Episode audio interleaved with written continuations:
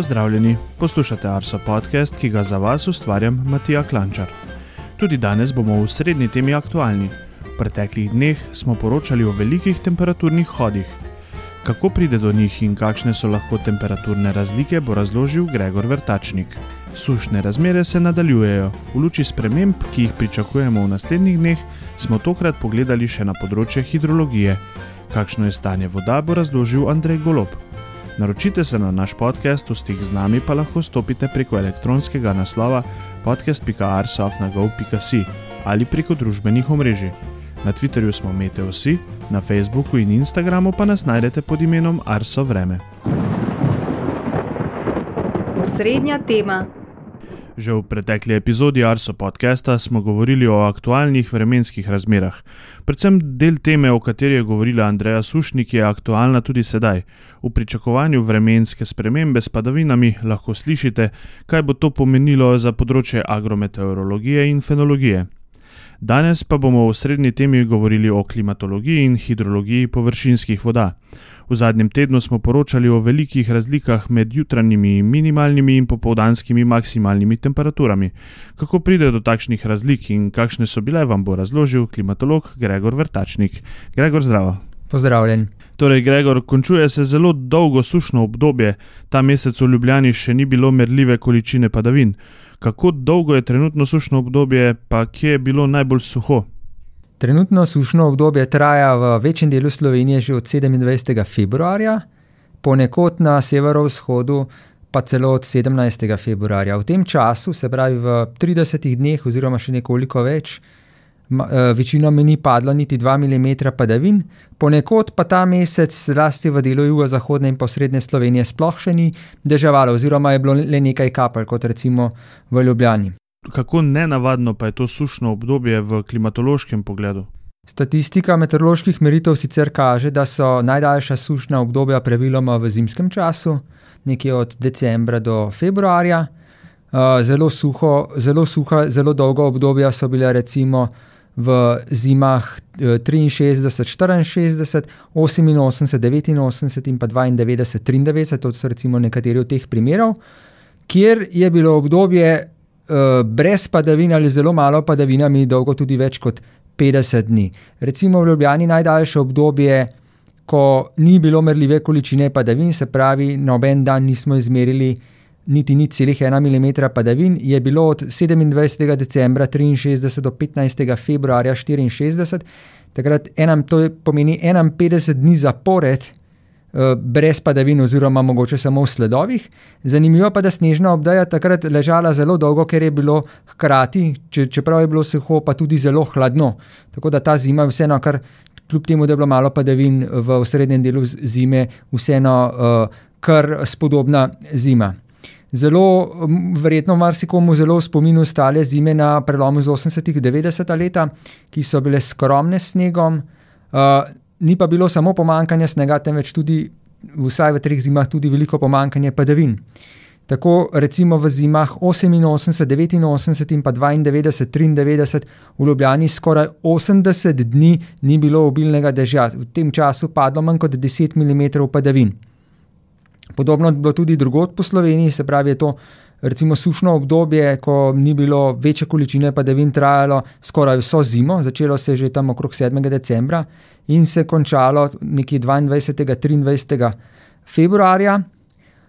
zanimivo pa je, da v krajih, kjer imajo zelo veliko količino padavin na splošno, recimo v Julijskih Alpah, lahko tudi sušna obdobja trajajo nenavadno dolgo, celo dlje kot recimo na, na severovzhodu. Ne, in severovzhod je zanimiv tudi zaradi tega, ker je najdaljše sušno obdobje povsem brez padavin doslej bilo v poletnem času, in to je bilo v Murski Soboti od dvajsetega julija do dvaindvajsetega avgusta tisoč devetsto dvaindevetdeset, na vrhuncu zelo vročega in pa izredno sušnega obdobja, verjetno za najhujšo sušo v zadnjih sto letih v tistem območju. Štiriintrideset dni zapored ni deževalo, kar je za poletje zares izredno dolgo, no, in zanimivo, da nobeno obdobje pozimi ali pa spomladi brez padavin ni bilo daljše. Na drugi strani pa recimo pri Kredarici je bilo februarja, januarja in februarja devetinosemdeset kar petinštirideset dni brez padavin, Še daljše obdobje brez padavin pa smo imeli leta 1949, prav tako v drugem delu zime in pa začetku meteorološke pomladi v Bovcu. 48 dni brez padavin. Sicer pa večinoma po nižinah beležimo tam naj, najdaljše trajanje brez padavin, vsaj brez merljive količine padavin, okrog 40 dni, medtem ko obdobja, kjer pade recimo manj kot 10 mm padavin, to so padavine, ki malo zmočijo samo vrhnji sloj tav. Pa, je pa bilo nekaj takih obdobij v dolžini tam okrog 70 dni ali pa celo proti 80 dnem. Če se pa omejimo na marec, pa v Ljubljani doslej še ni bilo marca, ko, ko bi bilo povsem brez padavin, se pravi, da je mesečna vsota nič celih nič milimetra, smo pa bili v zadnjih 70 letih, oziroma še malo čez, štirikrat precej blizu temu, padlo od 1 do 3 mm padavin v celem mesecu, je bilo to v letih 1948, 53, 73 in 2003. Leta 2012 recimo, je bilo zelo suho, zlasti na jugozahodu in severovzhodu, takrat, v, uh, takrat je v Murski soboti in Portorožu padel en mm oziroma še manj. Je pa zanimivo, da smo pa ponekod na primorskem imeli v, vsaj v štirih marcih, to so leta 48, 53, 73 in 2003, pa tudi že, se pravi, cel mesec brez padavin. To pomeni, da je bila celotna količina ni celih nič milimetra. In tudi marca 2012 ponekod po Sloveniji bilo povsem suho. Letos pa kaže, da bo ravno na koncu meseca, pravi jutri, in pa do četrtka zjutraj, ko se še upoštevajo podatki za marec, v večjem delu, oziroma skoraj posod po Sloveniji, vsaj nekaj dežja, kar pomeni, da letošnji marec vendarle ne bo rekorden, vsaj ne v večjem delu Slovenije. Naj omeniva, da tole snimava v torek, tako da boste poslušalci vedeli, da jutri pomeni danes, in pa četrtek, seveda, jutri. Uh, torej, uh, vrniva se zdaj na aktualne temperaturne razmere. V preteklih dneh smo imeli zelo velike temperaturne razlike med dnevom in nočjo. Uh, kje so bile največje in koliko so znašale? Kar nekaj dni zapored je bila temperaturna razlika med jutrom in popoldnevom v mraziščih in pa nekaterih legah, ki so znane po jutranjem mrazu, več kot 25 stopinj Celzija. Uh, največje hode smo izmerili 24. marca, ko se je v uh, marsikje po Sloveniji uh, čez dan segrelo za več kot 28 stopinj Celzija, v petih krajih celo za okroglih 30 stopinj. To so bile Iskrba pri Kočevju, Babno polje, Nova vas na blokah, Marinča vas ob Krki in pa Logatec. V celju tistega dne je bil temperaturni hod 28 stopinj, na ljubljanski meteorološki postaji pa skoraj 23 stopinj. To so vse vrednosti, ki so blizu rekordnim ali pa celo rekordne vrednosti. Uh, slovenski rekord znaša tri, dobrih 33 stopinj v Babnem polju, zmerjen 10. februarja 2005.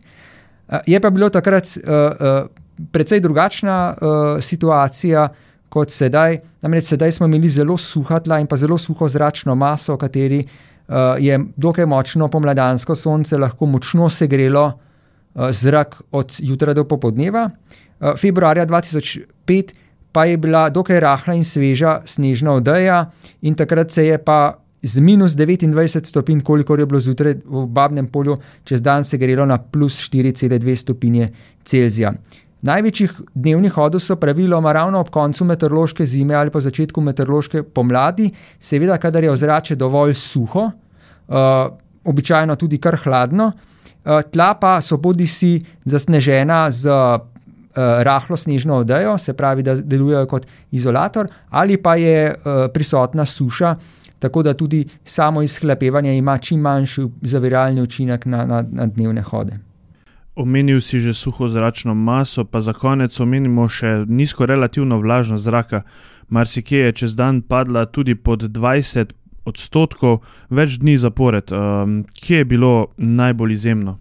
Ja, najbolj izjemno je bilo v posameznih uh, območjih južne in pa zahodne Slovenije. Uh, namreč pihal je večinoma veter vzhodnih smeri in ob, tej, ob teh smerih, običajno na primorskem ali pa tudi nekoliko višjih legah, uh, sedaj uh, pride do najnižjih vrednosti.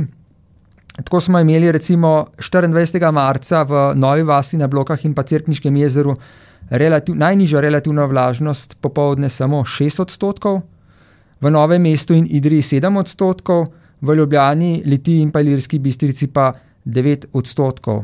Uh, bilo je še nekaj dni okrog 24. marca, kjer je po, vsaj krajevno bila relativna vlažnost čez dan tudi pod 15 odstotkov. Uh, v Ljubljani pa je bilo, tako recimo za primerjavo, od 20. do 28. marca, se pravi vsak dan, 9 dni zapored, je relativna vlažnost zraka čez dan padla pod 20 odstotkov. Lahko dodamo še, da, je, da so bile tudi noči marsikje nenavadno sušne, če pogledamo v, eh, z vidika relativne vlažnosti. V Ljubljani so v teh omenjenih dneh uh, po noči relativna vlažnost ni pa uspela nad 70 odstotkov, kar je glede na to, da je bilo dokaj mirno vreme in pa jasne, da so bile jasne noči, kar presenetljivo nizke vrednosti. Običajno dosežejo po noči z ohlajanjem več kot 80 oziroma celo več kot 90 odstotkov. Gregor, spet si postregel z zelo veliko zanimivimi podatki um, in zanimivostmi. Um, tako da najlepša hvala za tole in pa verjamem, da se v letošnji sezoni še kdaj slišiva. Ja, hvala tudi tebi.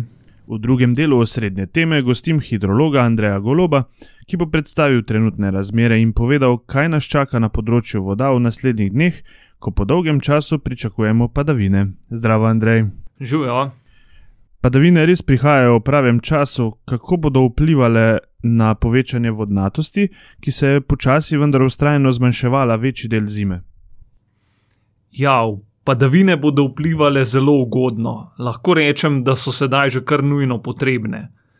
Podobno smo sicer trdili že sredi februarja, ko smo po mesecu in pol pričakovali prve, nekoliko izdatnejše padavine. No, te so se takrat res zgodile, izkazalo pa se je, da se je stanje le nekoliko popravilo, potem pa je sledilo novo, dober mesec in pol trajajoče suho obdobje, ki se sedaj počasi zaključuje. V tem času pa je skupni primankljaj vode uh, se še nekoliko povečal, tako da, kot rečeno, padavine zelo pozdravljamo, jih pa želimo nekoliko več tudi v aprilu. Kako pa ocenjujemo sušo ta mesec iz hidrološkega vidika? Letošnjo marčovsko vodnatost rek na nivoju cele države uvrščamo nekako med 10 odstotkov najmanj vodnatih marcev, glede na primerjalno obdobje zadnjih 40 let. Takšne količine voda so torej v tem, ča, v tem letnem času precej redke, smo pa jih na večini merilnih mest v zadnjih desetletjih nekajkrat že zabeležili. Uh, se pa hidrološke značilnosti v tem obdobju, v tem mesečnem obdobju, tudi nekoliko razlikujejo. Posamezne reke v severozahodni Sloveniji in reka Drava so dosegale vrednosti, ki so bliže običajnim marč, marčovskim pretokom, medtem ko bodo pretoki rek v severovzhodni Sloveniji, naprimer v porečju Savinje, Dravinje ter na reki Muri, verjetno med povsem najnižjimi povprečnimi marčovskimi pretoki doslej. Zelo blizu temu uh, so tudi posamezne reke v predalpskem svetu, zahodne in pa severne Slovenije, torej kar v dobršnem delu naše države. Kar se tiče rekordov, pa moramo biti strokovni in tudi nekoliko potrpežljivi, saj bodo naši sodelavci te sproti izmerjene podatke še preverili in more biti popravili na podlagi kontrolnih in hidrometričnih meritev. Um, hvala še za ta opomnik glede zagotavljanja verodostojnih podatkov. Vseeno pa izpostavimo kakšno večjo reko, da si bodo poslušalci lažje ustvarili vtis. Uh, lahko omeniva reko Savo uh, na postaji v Litiji, ki ima častitljiv niz podatkov. Ta sega kar uh, preko treh stoletij, saj je začela delovati že davnega 1895. Glede na letošnje marčevsko povprečje, lahko na prste ene roke naštejemo leta, ko je bilo marca uh, vode manj. Na zadnje smo take razmere zabeležili pred desetimi leti. Svoj vrstna redkost je tudi, uh, da poprečni pretok noben dan v tem mesecu še ni presegel 100 kubičnih metrov na sekundo. Lahko pa da se bo to zgodilo jutri, torej na zadnji marčevski dan ker uh, statistično je verjetnost večja, da bo v marcu reka Sava na tem delu, se pravi v srednjem, so, v srednjem toku, uh, vsaj en dan presegla naprimer 1000 kubičnih metrov in se razlila izven struge, kot pa da bi prav vse dni v mesecu odstala, ostala pod omenjenimi stotimi kubiki. Povejva še nekaj o snežni odeji, ki je pri nas tudi pomemben člen hidrološkega kroga. Eh, ne na zadnje lahko rečemo, da gre za naravni zbiralnik vode. Ja, tudi višina snežne odeje v Visokogorju je podpovprečna, pri čemer je treba poudariti, da to v največji meri vpliva na povečini gorata porečja oziroma na uh, razmere, ki, ki jih uh, ob taljenju snega na, v, v teh porečjih lahko pričakujemo. Um, pri nas je največji vpliv ravno na reki Muri in pa predvsem Dravi, z večjim delom zaledja v, v avstrijskih Alpah, um, ki sta zaradi snežnega otočnega režima najmanj vodnati ravno v obdobju od decembra do marca. V tem času je torej običajno, da je vode v strugah malo. Vendar obstaja velika razlika, ki se kaže potem v kasnejših mesecih. Če se je v zaledju po zimi nabralo dosti snega, v katerem je shranjena zaloga voda, zaloga vode, ali pa zaradi pomankanja padavin te zaloge sploh ni. Sneg se marca še ni talil, padavin pa tudi že dalj časa ni bilo. Situacija je glede količine vode zelo podobna tisti iz zimskega obdobja leta 2012. Um, je pa v zaledju Drave na območju avstrijske koroške ta čas malo snega kar bi v nadaljevanju pomladi in poleti lahko vplivalo na vodni primankljaj v reki. Kot omenjeno, uh, je sne za snežni režim značilno povečevanje vodnatosti ravno pomladi z viškom ob prehodu v poletje. Daj se za, za konec še enkrat vrniti uh, k obetom. Uh, ja, obdobje suhega vremena se s koncem marca in začetkom aprila po napovedih zaključuje. Za občutnejše izboljšanje vodnih zalog pa bomo potrebovali še več padavin v naslednjih tednih oziroma mesecih. Od tega bo odvisna tudi morebitna stopnja suše v pomladnem in poletnem obdobju, ko je zaradi rastja vegetacije in višjih temperatur ter posledično večjega izhlapevanja zadostna količina vode še toliko pomembnejša. Vedno pa velja, da večji kot je primankljaj, več padavin tudi potrebujemo, da se stanje ne le kratkoročno popravi, ampak tudi izboljša do neke običajne ravni. K temu pa idealno pripomore dolgotrajnejši, enakomernejši dež, v nasprotju s kakšnimi lokalno intenzivnimi padavinami, ki v veliki meri odtečejo površinsko in bistveno ne vplivajo na izboljšanje stanja. Andrej, hvala za tvoj čas uh, in za te pomembne informacije. Hvala. Obeti. Kakšne vremenske spremembe nas čakajo v naslednjih dneh, vam bo zaupal Blaž Šter. Lepo pozdravljeni. Zelo suho obdobje brez kaplje dežja se bo po več kot mesecu dni danes le zaključilo. Prišlo je do spremembe vremenskega vzorca, o katerih smo razpravljali preteklo epizodo. Anticiklon je končno popustil. V višinah je severna polovica Evrope že pod vplivom prodora hladnega zraka. Danes bo nad nami še pihal jugozahodni veter, ta nam bo znova prinesel tudi puščavski prah, zato bo do kakovosti zraka nekoliko slabše. Vetrovno bo zlasti na vzhodu Slovenije in v višjih legah, povsod se bo pooblačilo, zjutraj ali do povdem bo najprej začelo padati na zahodu Slovenije, sredi dneva in popovdne pa se bo dež nekoliko razširil proti vzhodu.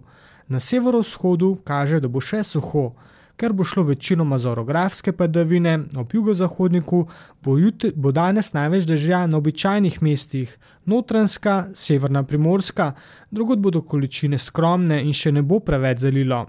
Temperature zraka bodo zaradi oblačnosti niže, a še vedno bomo v toplem sektorju ciklona. Po nižinah bo od 12 do 16, morda 17 stopinj. Ciklon nad sredozemljem se bo v noči na četrtek poglobil, v četrtek zgodaj zjutraj se bo dež od juga razširil nad vso Slovenijo. Kaže, da bo meje sneženja kar visoko. Niže bo le na severu Slovenije, ker bo ponekod snežilo tudi v sredogorju, bo suh sneg bo padal v, v visokogorju. Tudi v Alpskih dolinah bo večinoma deževalo, morda lahko le v Zgornjesavski dolini, majhne žene ob močnejših padavinah se spusti do tal. V večjem delu Slovenije bo padlo vsaj od 20 do 30 litrov dežja na kvadratni meter, na zahodu bistveno več, tudi nad 50 mm. Dobro bo zalilo, temperature po nižinah bodo kakšno stopinjo nižje, a še vedno bo nad 10 stopinj. Tudi v nadaljevanju bo ciklonsko središče blizu našim krajem, nad severnim Jadranom ali nad severnim Sredozemljem, na meji med toplim in hladnim zrakom bomo. V petek bodo verjetno padavine le prehodno oslabele in ponehale, vendar se bodo v zahodnem in v srednjem delu Slovenije čez dan znova začele pojavljati, bolj suho bo na severovzhodu. V noči na soboto nas bo, kot kaže, dosegla ohladitev, hladna fronta. Padavine se bodo znova razširile nad vso Slovenijo, maja sneženja se bo spustila. Možno je tudi, da bo snežilo po nižinah, je pa količina padavin in tudi agregatno stanje zaenkrat še negotovo. Napovedi še niso zanesljive, vseeno pa je tudi aprila pri nas tudi snežilo. Recimo, spomnimo se, se samo lanskega leta, po sneženju je bilo na blokah celo pod minus 20 stopinj. Zapihal bo tudi severnik na primorskem burja. Trenutno kaže, da bo noč na nedeljo bolj oblačna, kar je dobro, saj se ne bo tako ohladilo, kot bi se sicer ob jasnem nebu. Vseeno bo temperatura zjutraj okoli ledišča. Nedelja bo suha, koliko oblačnosti pa bo, je še vprašanje. Bo pa sveže, temperature bodo čez dan le od 5 do 10 stopinj, morda kakšno stopinjo več na primorskem. Še pogled v prihodnji teden. Videti je, da bo spet bolj suho in postopno topleje. Vseeno bodo najviše dnevne temperature okoli 15 stopinj, ne več nad 20 stopinj, kakor je bilo v tem tednu in preteklem tednu. Blizu povprečja bodo temperature za april. Od torka naprej bo pihal jugozahodnik. Srečno do prihodnič. 78. epizodo Arso podcasta smo pripeljali do konca. Hvala vam za vse odzive, kritike in poslušanja. Želim vam obilo lepega vremena in se slišimo čez 14 dni.